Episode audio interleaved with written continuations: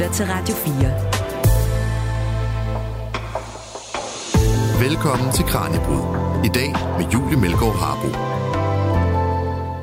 Der bruges utroligt mange forskningsmidler og en masse tid på at udvikle ny medicin i laboratorier rundt omkring i verden. Men hvad hvis mange af svarene og løsningerne på vores øh, helbredsproblemer allerede findes ude i naturen? Netop det spurgte dagens gæst sig selv om, inden han sammen med et internationalt hold af forskere begav sig ud i de svenske skove for at undersøge bjørne i dvale. For hvorfor kan det her store dyr ligge stille så længe uden at få problemer med for eksempel blodpropper? Og kan svaret hjælpe os mennesker med at undgå eller behandle kredsløbssygdomme? I dagens program der skal vi høre, hvilke hemmeligheder der gemmer sig i blodet på de her bjørne i hi, og hvordan det måske kan hjælpe os tættere på en mere skånsom forebyggende behandling mod blodpropper med færre bivirkninger. Og hvorfor bjørne potentielt gemmer på en masse andre svar, som vi kunne have gavn af. Mit navn er Julie Melgaard Harbo. Velkommen til Kranjebrud.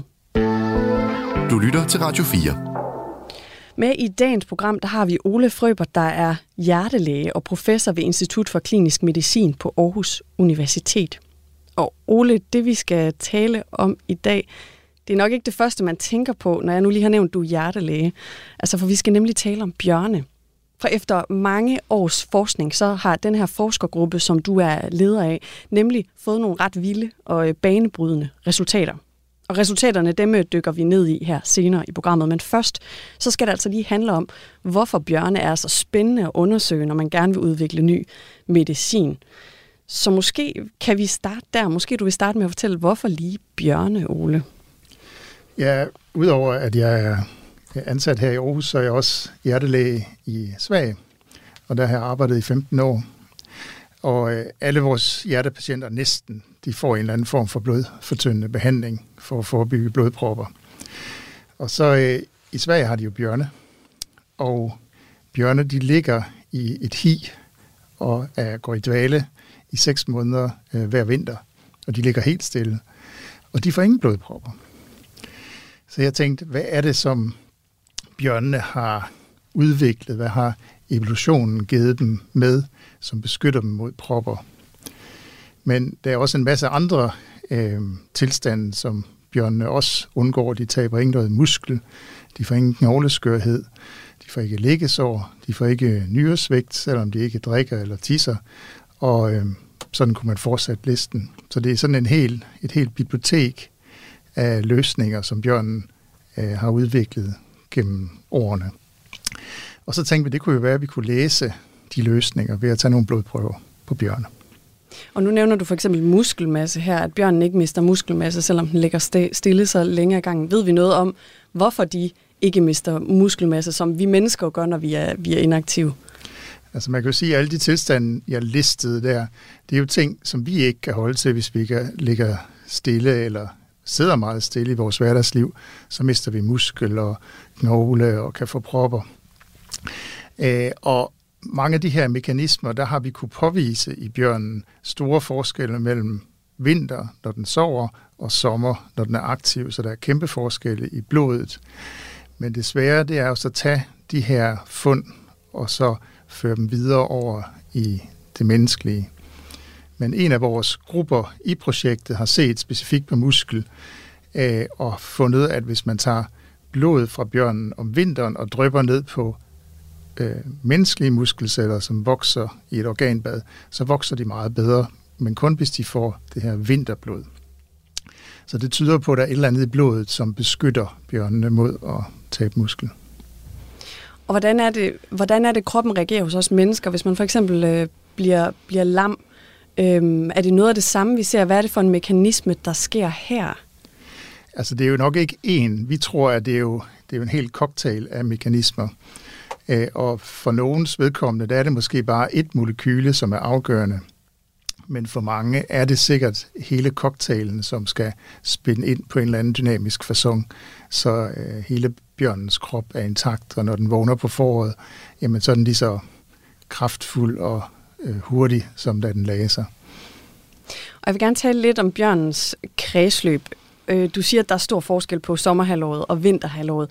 Hvordan, øh, hvordan er det, I kan se, at den adskiller sig øh, i sin aktive tilstand i sommerhalvåret fra dvalen i vinterhalvåret? Jamen, for eksempel så øh, har vi lavet ultralyd af hjertet, så kan man se, hvordan hjertet slår. Og øh, når vi ser med ultralyd om vinteren, og det er ikke let, vi har en hjertelæge, øh, Peter Gosk Jørgensen, med fra København, som har lært sig, hvordan man laver ultralyd på en bjørn. Og så de her billeder, de er helt øh, vanvittige for os hjertelæger, fordi man kan se, at pulsen er rigtig, rigtig langsom. Og så samtidig så ser det ud, som om der er tåge i alle fire hjertekammer, øh, og det er sådan et tegn på, at blodet det løber rigtig langsomt i kroppen. Øh, vi har også på nogle af vores bjørne haft sådan en lille båndoptager øh, på størrelse med et USB-stik, som de har fået indopereret under huden, så der har vi jo haft deres hjerteslag. Øh, og den her båndoptager, den viser, at når de sover dybest, så har de en puls på 10 slag i minuttet. Og det kan vi jo ikke holde til, så skal vi have pacemaker. Men den klarer det fint.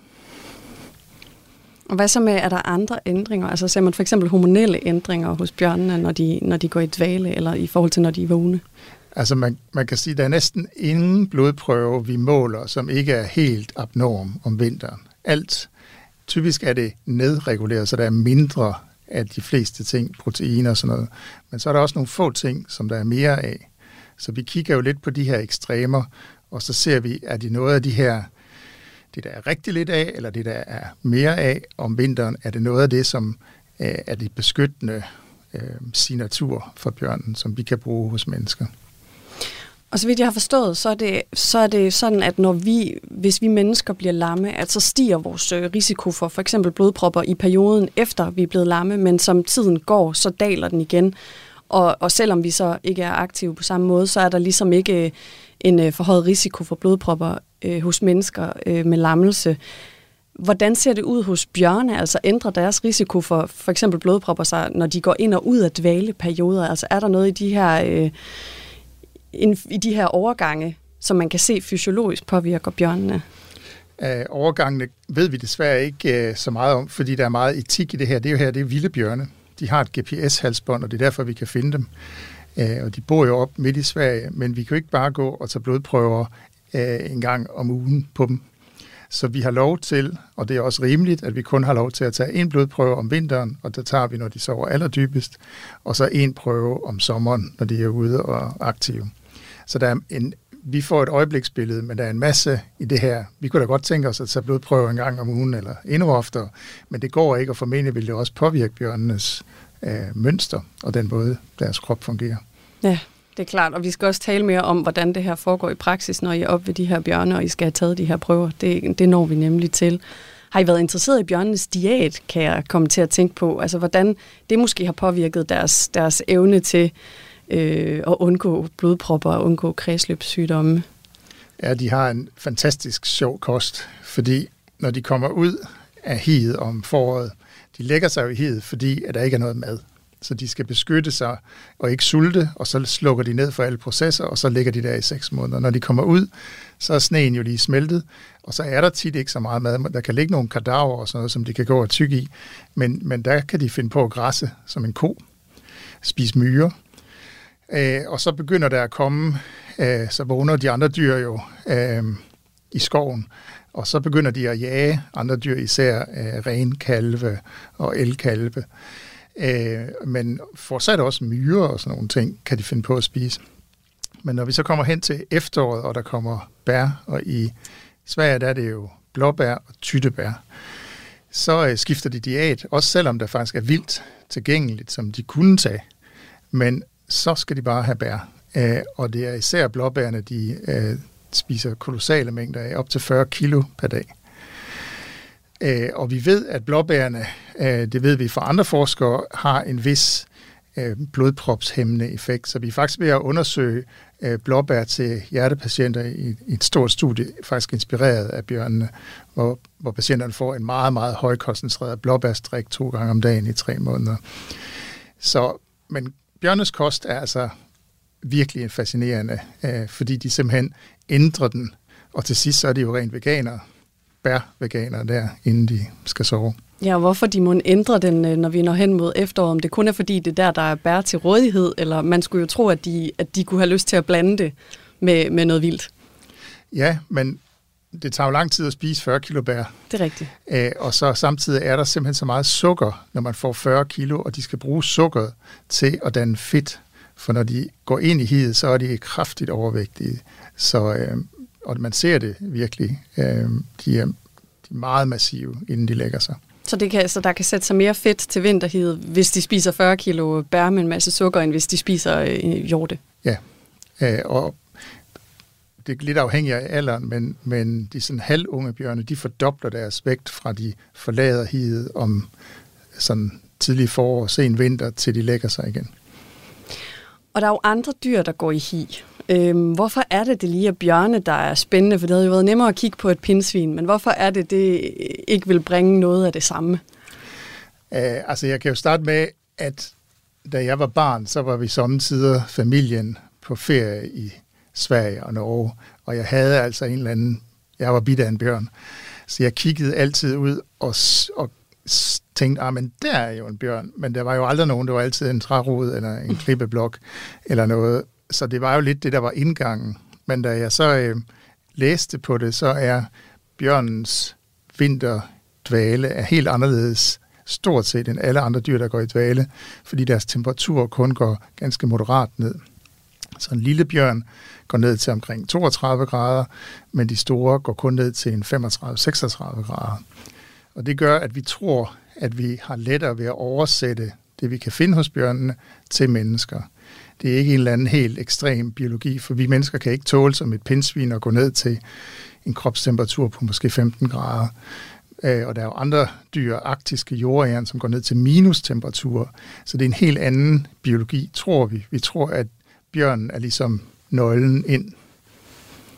Og når I skal undersøge de her bjørne, så foregår det altså i de svenske skove, som du også lige har talt om. Og vi skal høre en lille lydbid her, hvor I øh, flyver i helikopter.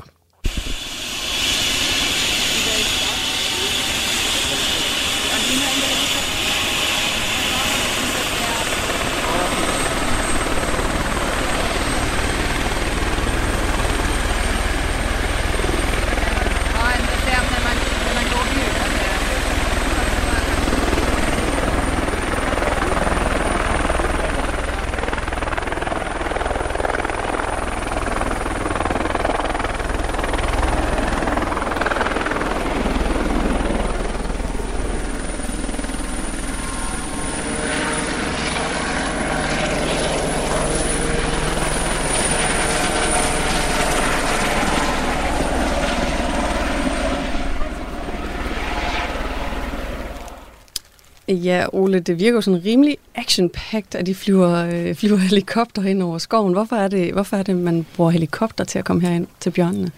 Altså, når bjørnene er ude og er vågne, så, øh, så har de nogle meget store, man kalder det hjemmeområder, som de færdes i. Øh, og vi kan jo ikke bare gå hen og spørge, om vi må have lov til at, at tage en blodprøve. Så vi er nødt til at, at finde dem på en måde, og helikopteren er simpelthen det mest rationelle. Og bjørnene... Øh, jeg ved ikke, om de snakker sammen, men de har jo lært af helikopter. Det er ikke noget, som de sådan er super glade for. Så når de hører en helikopter, så gør de meget for sådan at gemme sig lidt ind i, i underskoven. Så det er sådan en koordineret næsten ballet mellem helikopterpilot og den skytte, som sidder med det her luftgevær med bedøvelsespil, og få først bjørnen ud på et åbent område, og så få den til at løbe i en god retning, hvor der ikke er nogen højspændingsledninger eller høje træer, og så komme ned omkring 3 meter fra bjørnen, og så sætte pilen øh, i flanken. Så den, den der, dem, der er ombord i helikopteren, det, det er dem, der skal bedøve bjørnen? Ja, der er en, en, en skytte, en fangstleder og en pilot, og det er ganske få piloter, som kan det her, og så en dyrlæge. Og hvordan den her forskning i bjørnene foregår, og hvordan de undgår at få blodpropper, når de er dvale, det er altså det, vi skal høre mere om nu.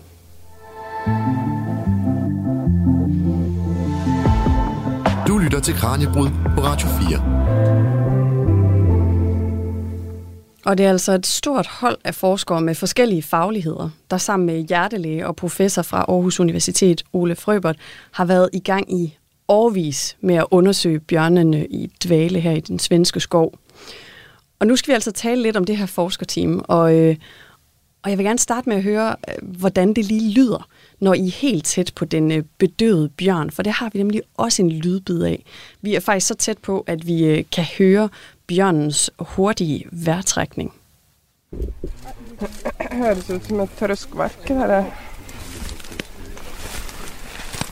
You want more? I think we missed uh, from my tube. Yeah. You, you still don't have? Uh, I don't. I don't know. I didn't see it go into the tube at least. I don't know. No, no. It's just so we're sure that Is- I get is the this sample. one? No, the tube is in the box Ah, okay. behind. So Ok. Vous avez pensé au, au tube de... Ok. Det har jeg tænkt lidt.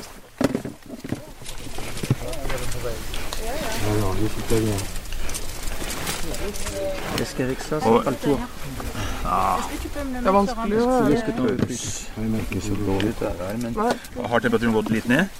Ja, eller det var jo et nytt termometer nå, vet du, så vi må sjekke at når vi er ferdig. Do you want more? I still don't know.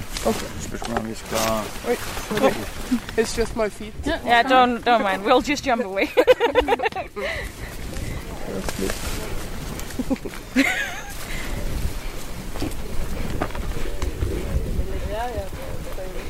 Skal begge flyt ut, David? Nej, den sista ska lämnas här. Est-ce qu'il en faudra plus, Étienne, du muscle le, le tube Là, il y avait deux tubes.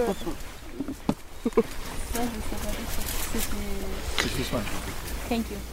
Ja, det man kunne høre her, det var altså bjørnen, der træk vejret ret hurtigt. Hvordan, hvordan føles det at være øh, så tæt, på så tæt hold med så sådan en stor bjørn, der bare ligger der og trækker vejret hurtigt, Ole? Jamen, det er, jo, det er jo stadigvæk fascinerende, selvom nu har vi jo bedøvet ret mange bjørne, men, men det, det er aldrig det samme. Men samtidig så kan man jo også høre, øh, at der er et, et meget øh, mangefacetteret team af, af folk rundt omkring, som kan forskellige ting.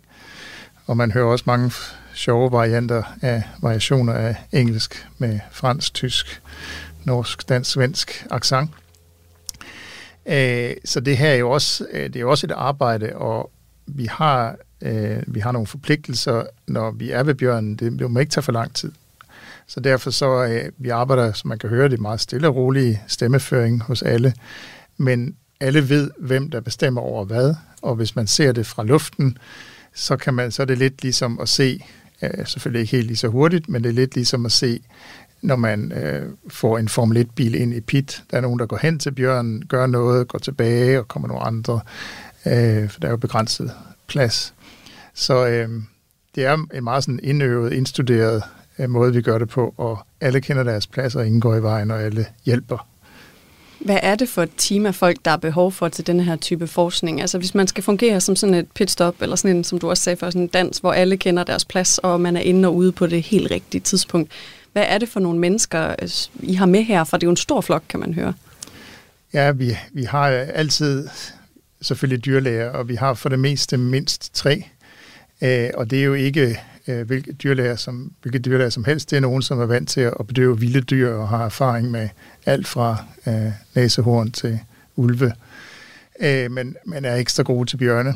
Øh, og de sørger jo hele tiden for, at bjørnen har det godt og monitorerer. Så har vi øh, biologer, som ved noget om bjørnen og ved også noget om deres område. Så har vi selvfølgelig vores øh, helikopterpilot om, om vinteren, eller om sommeren, og om vinteren, der har vi sådan nogle hertebrede øh, rangers, som, som passer naturen i det her område, men de hjælper os med håndteringen og kører snescooter øh, øh, om vinteren. Det er altid de samme, og de hedder i øvrigt Hans, Hans og Hans, så det er meget let. Øh, og så har vi jo så forskellige forskere. Øh, der er et fransk team, et tysk team. Jeg, jeg er egentlig lidt mest i vejen. Jeg er lidt mest bare med for, og så holder jeg lidt og, og passer på, at jeg ikke laver for mange ulykker.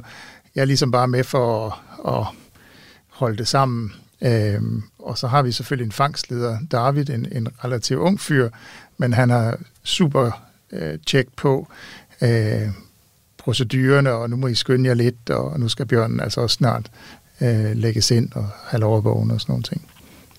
Så det er forskellige måder, I, øh, I kommer tæt på de her bjørne på i vinterhalvåret og sommerhalvåret. Det vi hørte før, hvor I kom ind i en helikopter, det er så i sommerhalvåret, I bruger helikopter. Ja. Og i vinterhalvåret, hvordan kommer I tæt på der? Om vinteren, så, så øh, skal der er en masse forberedelser om vinteren, fordi der skal man jo finde bjørnene, og som sagt har de GPS-halsbånd, men den slukker jo, når, når en bjørn ligger i et hi under sne. Så øh, der er ikke noget GPS-signal, men i samme halsbånd, der sidder også en VHF, det er ligesom walkie-talkie-signal, så man kan pejle bjørnene.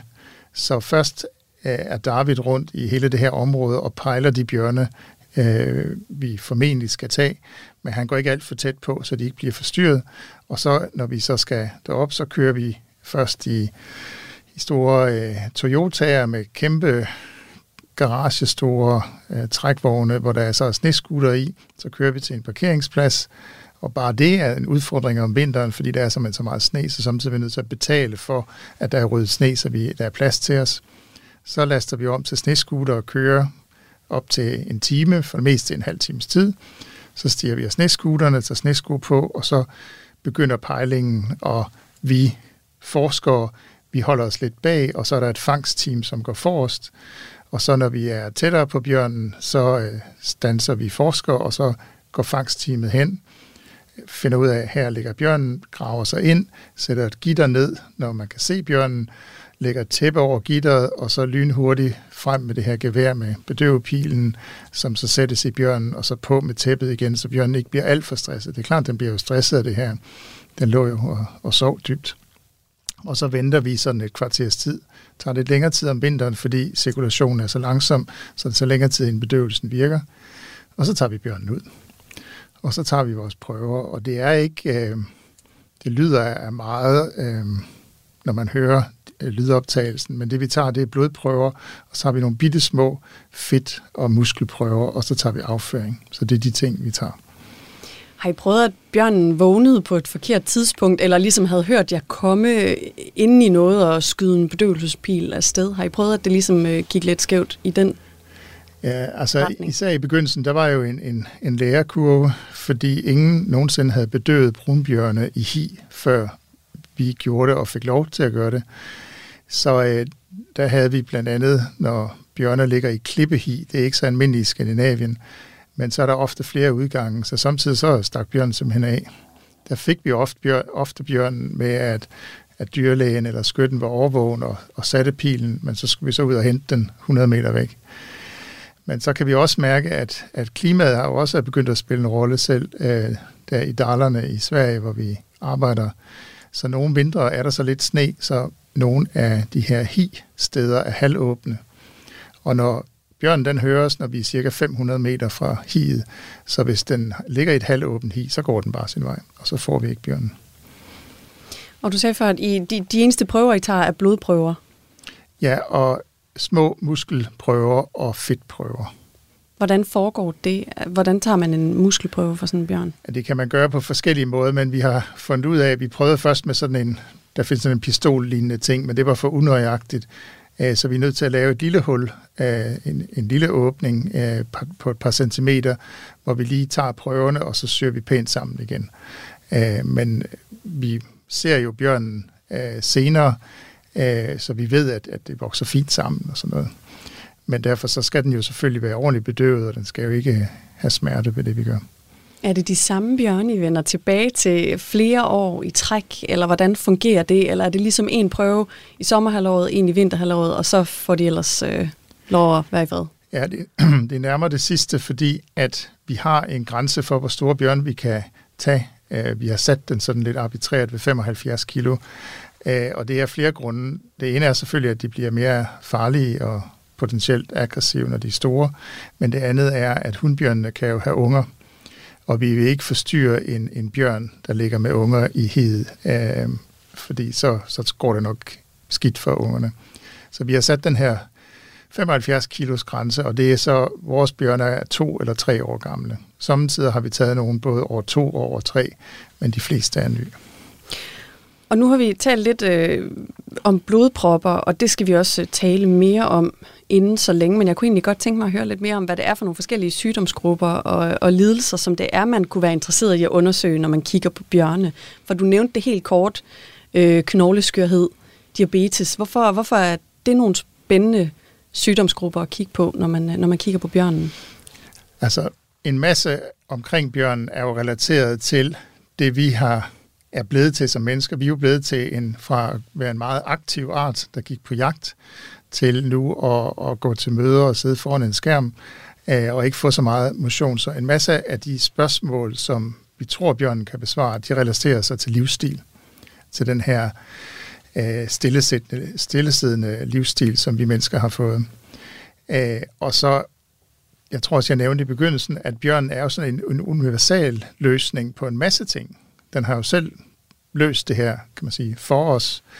Øh, så vi prøver jo øh, at tænke projektet som at engagere de bedste grupper, forskningsgrupper inden for forskellige ting. Nogle knogle, nogle muskel, nogle blodpropper, øh, nogle hjertesvigt, nyresygdom, og så, det, så får de deres prøver, og så mødes vi en gang imellem og snakker, for samtidig så kommer der sådan nogle krydsbestøvningsidéer på tværs af grupperne.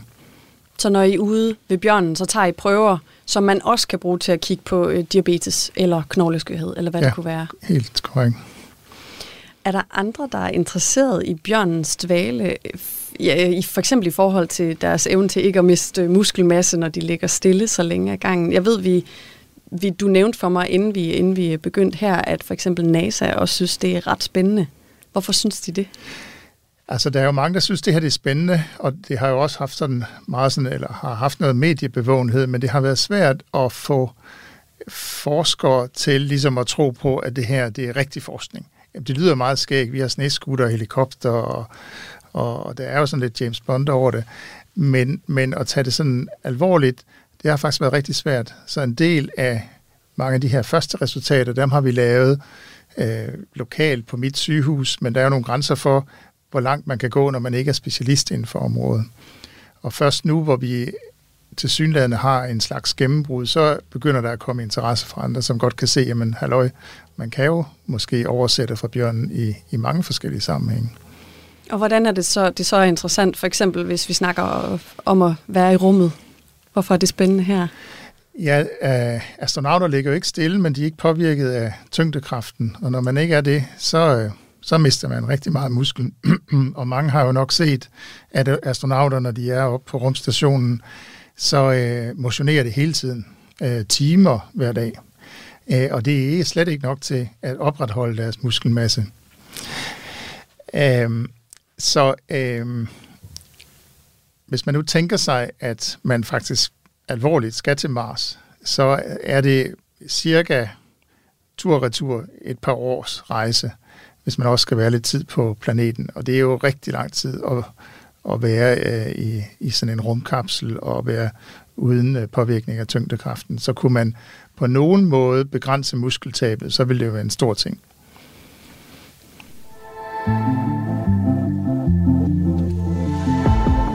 Du lytter til Kranjebrud på Radio 4.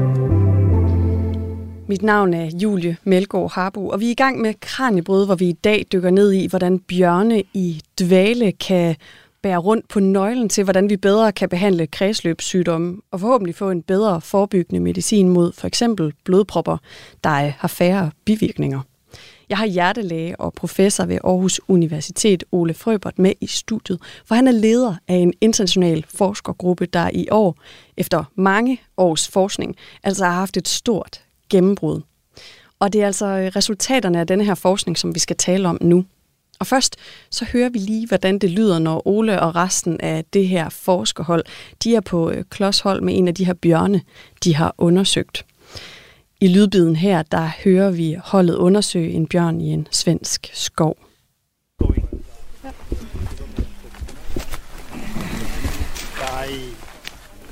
How? We, we need the body weight? No. Okay, then put this behind her. I'll just take this. Can I help you? Yeah. So what do I do? Put the prayer on top of the, of the head there. This comes in here. No, this is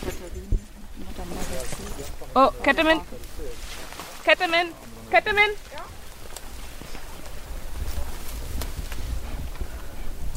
Vielleicht wieder von den Fluids, oder? Ja, hat Aber er er hat noch gar nichts Ja. bekommen.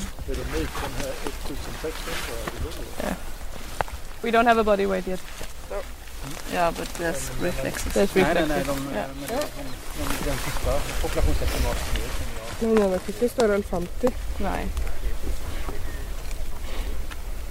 efter man tog bort 16 Ja, det, men det är ju... Nej, men det är klart. 100 milligram. Maybe go on the back. Ja. Okay.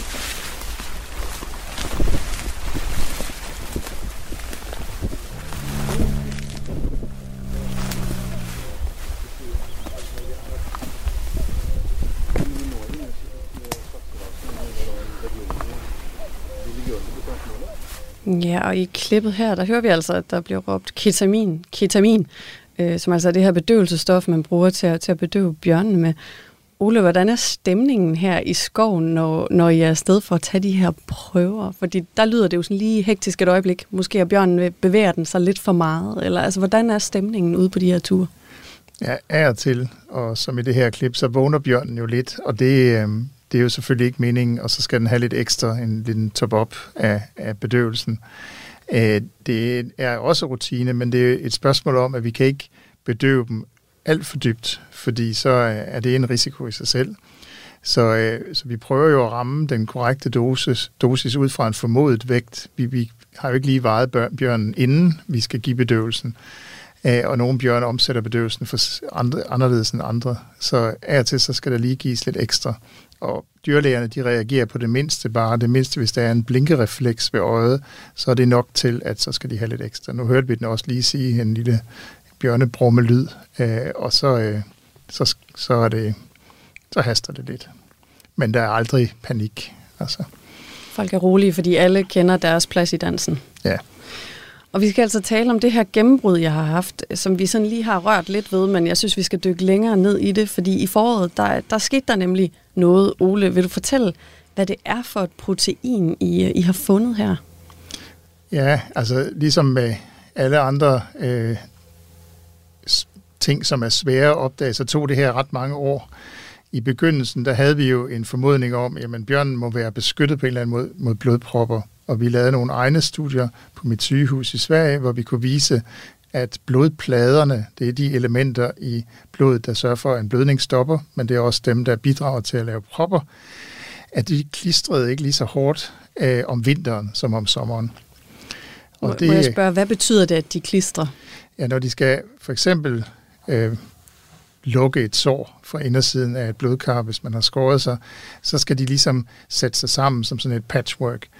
Øh, så de, de sætter sig sammen med hinanden. Øh, så de klistrer sammen som en lim. Øh, men hos bjørnene, som sagt, så, øh, så gjorde de det ikke lige så intensivt. Øh, det var sådan ligesom halv, halv klisterkraft øh, om vinteren. Og så brugte jeg fem år på at spørge sådan de bedste blodpladegrupper, jeg kunne finde rundt om i verden, øh, om de var interesseret i at gå videre med det her, så vi kunne komme dybt ned. Og først efter fem år, så fandt jeg en gruppe i München, som var interesseret, og som så har været med siden, kommer kørende i varevogn hele vejen fra München med 500 kilo udrustning og laver en masse undersøgelser på vores lille feltstation. Og så laver de en masse yderligere undersøgelser, når de kommer hjem på det frosne blod. Og øh, hjemme i Berlin, øh, i München, undskyld, der finder de, at der er et protein i blodpladerne, som er, kan man sige, i normal koncentration i sommerblodet, men det var helt væk om vinteren. Og så tænkte de, at det kunne jo være, tænk hvis det bare var ét protein. Og øh, du snakkede om patienter, som var lamme før, og i München, der findes et af sådan de verdensledende centre for at behandle folk, der har fået en lammelse pludseligt. For eksempel, hvis man har hoppet ud på lavt vand og bliver lam fra halsen og ned. Og der kunne lægerne så fortælle, at de patienter, de har en øget risiko for propper de første 4-6 uger efter lammelsen. Og vi kender det måske også, hvis vi har været på en længere flyrejse, at man får at vide, at man skal passe på ikke at få en blodprop i lægen, når man sidder stille. Og hos de her patienter var det altså øh, lidt overraskende for os kun den her kortere periode. Øh, og så efter 4-6 uger, så har de ligesom en, en proprisiko som os andre, som ikke er lamme. Så da vi målte efter det samme protein i de her patienter, så viste det sig, at det var også næsten væk efter de her 4-6 uger. Så vidste vi jo ikke, om det var sygdommen, der havde spillet en rolle i det, altså det, at de var blevet lamme. Så var det, at vi fik blod fra NASA, som betaler raske frivillige forsøgspersoner for at ligge i en seng i tre måneder. Øh, de får rigtig godt betalt. Øh, og der kunne vi se, at samme fænomen udspillede sig hos de patienter, øh, at efter 4-6 uger, så var det her protein næsten væk. Så det tyder på, at der var en eller anden universel beskyttende mekanisme. Så fik vi også blodprøver fra øh, søer, som havde øh, født smågrise, og der har man jo i moderne landbrug den praksis, at man de søer, de ligger utrolig Øh, stille i et meget lille område, så de kan nærmest ikke vende sig, for de ikke skal trampe smågrisene ihjel. Og efter 3-4 uger, samme fænomen. Til slut så fik øh, München-kollegerne øh, lavet en mus, hvor man havde fjernet genet for det her protein. Så når proteinet slet ikke fandtes i de her forsøgsmus, så var det helt umuligt at danne blodpropper i musene. Og så vidste vi, at vi havde påvist en, en helt ny øh, blodpropsbeskyttende mekanisme, som altså aktiveres spontant af hvile og på tværs af arter. Ved man, om der er andre steder, man møder det her protein? Du siger, at det, det sker, når, hvis, hvis man bliver lam, at så efter en øh, risikoperiode i starten, så vil det her protein ligesom forsvinde for de blodprøver, man har taget. Er der andre steder, man har mødt det her protein? Altså det, det, proteinet er beskrevet, men det er ikke et, som man har tænkt spillet nogen større rolle. Det, det har at gøre med blandt andet også med inflammation, som er den her forsvarsmekanisme, vi har, hvis vi skal få en, en infektion. Øh, så der kan det også øh, stige, øh, hvis man øh, øh, har en inflammeret krop, en, en krop, der øh, er påvirket af infektion for eksempel. Men ellers så vidste man ikke så meget om det, inden det her. Så kunne det her protein også være interessant at kigge på i forhold til andre lidelser, som måske er forårsaget af inflammation i kroppen? Altså er det her protein noget, man kan bruge til at kigge øh, bredere end bare blodpropper? Ja, altså, og det ved vi ikke. Men, men det vi vil prøve at undersøge, det er, om øh, der for, måske findes patienter, som kommer gå rundt med kronisk forhøjede niveauer af proteinet, og så derfor er mere udsat for blodpropper. Så det er et projekt, vi vil begynde her i Aarhus, forhåbentlig efter jul, hvis vi får penge til det. Øh, og så kan man sige, en ekstra spændende facet ved det her er, at når bjørne og grise og astronaut, frivillige og lamme patienter, de sænker den her koncentration, så får de ikke blødninger. Og alt det medicin, vi som hjertelæger giver for at fortynde blodet, det har den her mulige bivirkning, at man kan få alvorlige blødninger. Så vi tror jo på, at det her det kan være en mere skånsom måde at beskytte mod blodpropper.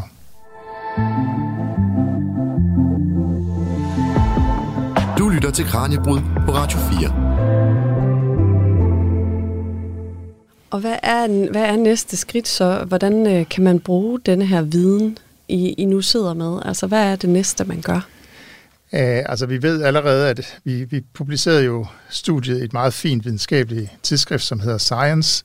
Øh, så vi har jo ligesom lagt alle kortene på bordet, og vi har allerede forstået, at, at øh, medicinalfirmaer er begyndt at kigge på det og se, om det her det er interessant, om det er noget, de kan lave et lægemiddel ud fra.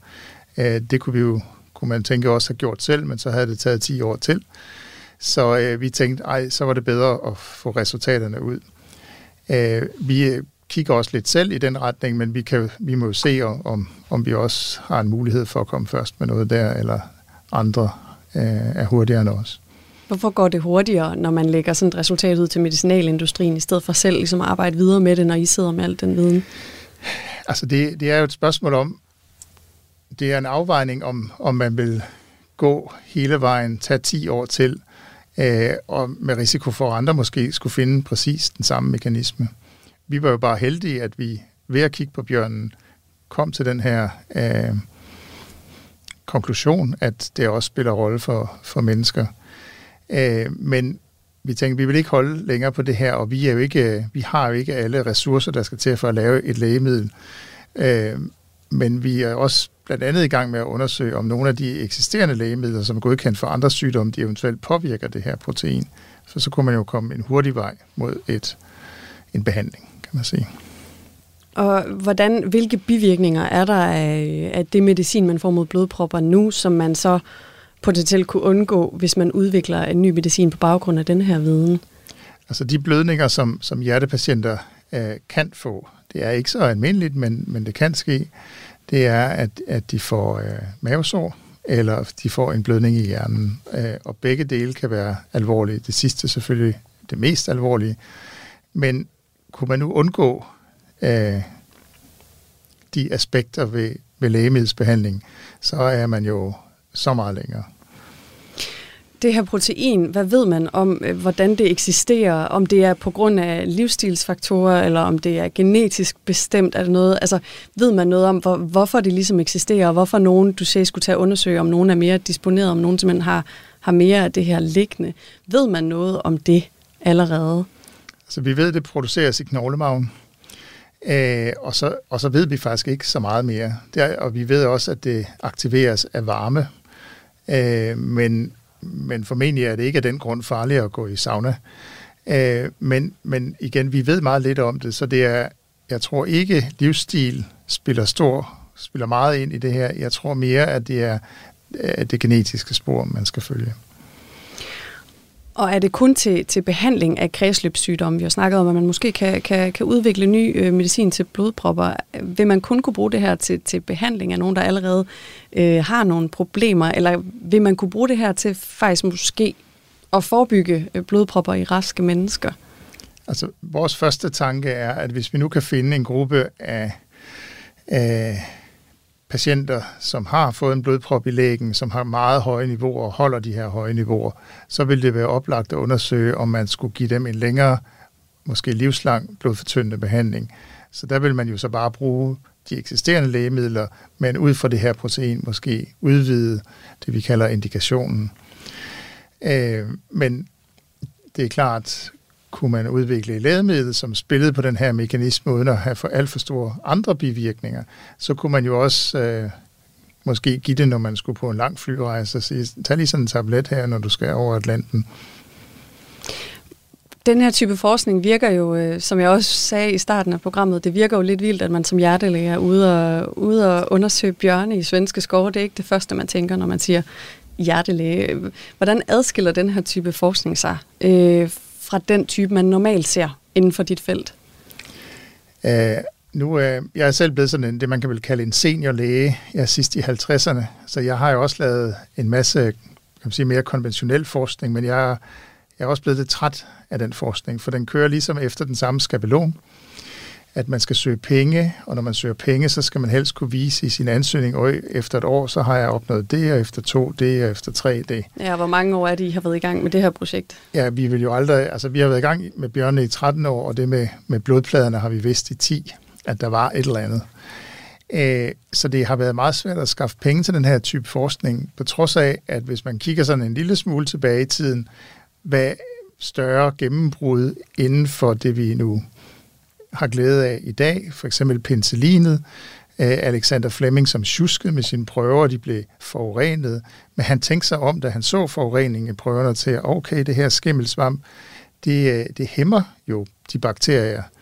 Øh, og der er masser af lignende fund, hvor, hvor man tænker, jamen, kunne man ikke give nogen forskere måske lov til at få lidt frie tøjler, og så gå efter de her skøre idéer. Og det har været meget, meget svært der findes nogle fonde nu, der giver penge til den slags, men selv de fonde har nogle krav med, ah, så skal du lige vise en vej frem.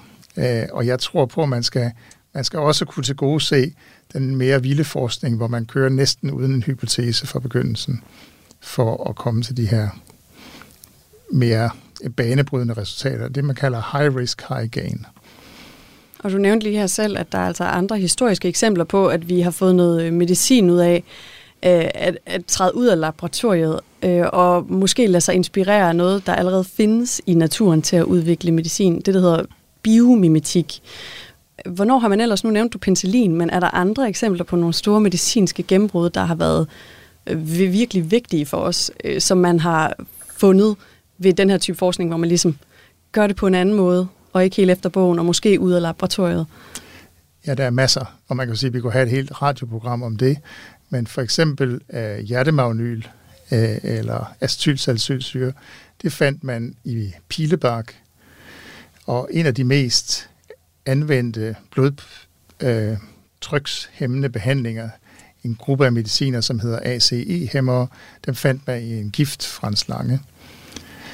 Øhm, en slange, som dræber sit bytte på en måde, så giften simpelthen sænker blodtrykket til næsten ingenting. Og det var der så nogen, der tænkte, at man kan videre, at man ikke kunne lave et smart lægemiddel ud fra det. Og så er der jo her i Aarhus, øh, det er så ikke et lægemiddel, men mere eksempel på en opdagelse, som kom ud af den her, kan man sige, den gode idé, Jens Christian Skov, som fik lov til at sidde i en kælder her i Universitetsparken i Aarhus med 20.000 krabber, fordi han vidste, at der var noget med ioner over cellemembraner. Og det ledte jo altså til et helt nyt begreb, natrium-kaliumpumpen, som han påviste, så, og som udløste en, en Nobelpris. En helt essentiel mekanisme. Hvad, hvad er det for en, Ja, hvis det man er- ikke ved det? Det er sådan en lille pumpe, der sørger for, at der er hele tiden forskellig koncentration af, af to ioner øh, inden for og uden for cellerne i kroppen, natrium og kalium, som den her pumpe øh, konstant sørger for at opretholde den her balance. Og det er et helt essentielt øh, biologisk fundament for, at kroppen overhovedet kan fu- fungere. Hvornår fandt han ud af det?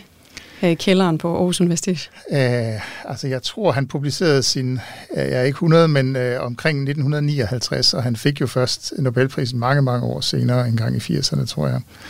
Øh, men så det, det viser jo også, øh, at det er ikke altid, man lige ser, hov, det her, det var, det var egentlig ret stort.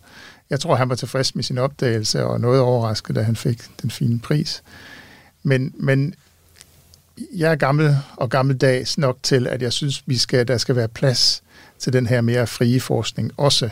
For jeg tror ikke, at den måde, vi tænker forskning i dag, hvor man tænker, at man skal publicere en masse videnskabelige arbejder, så bliver man målt på det. Jeg tror ikke, det er det, der er vejen frem.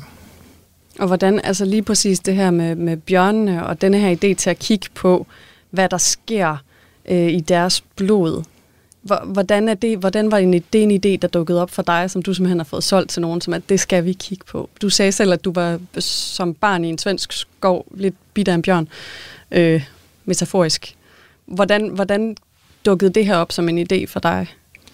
Ja, jeg skal ikke være bleg for at afsløre, at da jeg var kommet til Sverige, så læste jeg faktisk en, en avisartikel om det her i en dansk avis, hvor, hvor en eller anden journalist ligesom havde taget fat i bjørnen, og der, er vi er jo ikke de første, der har tænkt øh, bjørne og oversætte til mennesker, men der er aldrig nogen, der er, sådan er gået systematisk og konsekvent ind og fortsat og fortsat.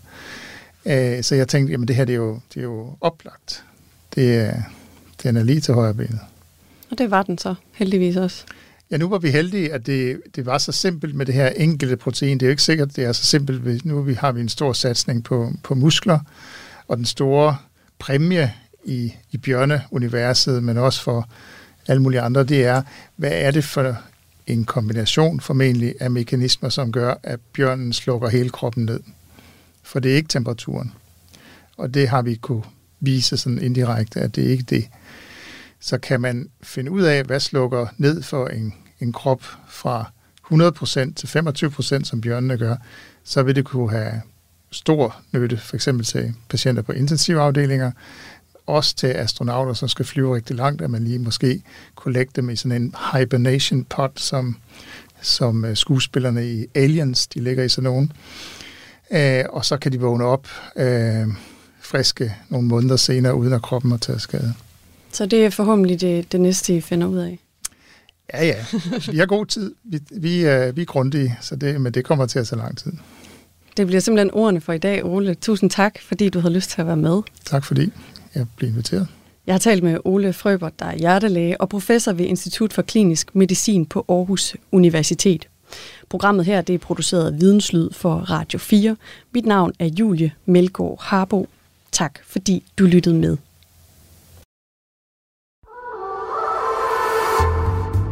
Den ukrainske underverden, dommedagssektor. Når forældrene har slået deres børn ihjel, så er der ikke så langt til at gøre det selv. Så er der ingen vej tilbage. Storpolitiske morsager og mystiske flystyrt. Om det er satire eller sandt, det ved jeg ikke. Det er i hvert fald russisk. Hver uge undersøger Christoffer Lind store dramatiske historier og afliver eller bekræfter tidens store myter og konspirationer. 90'erne var et tag for både lovlige og ulovlige eksistenser i det land. Lyt til Krimiland i Radio 4's app, eller der, hvor du lytter til podcast.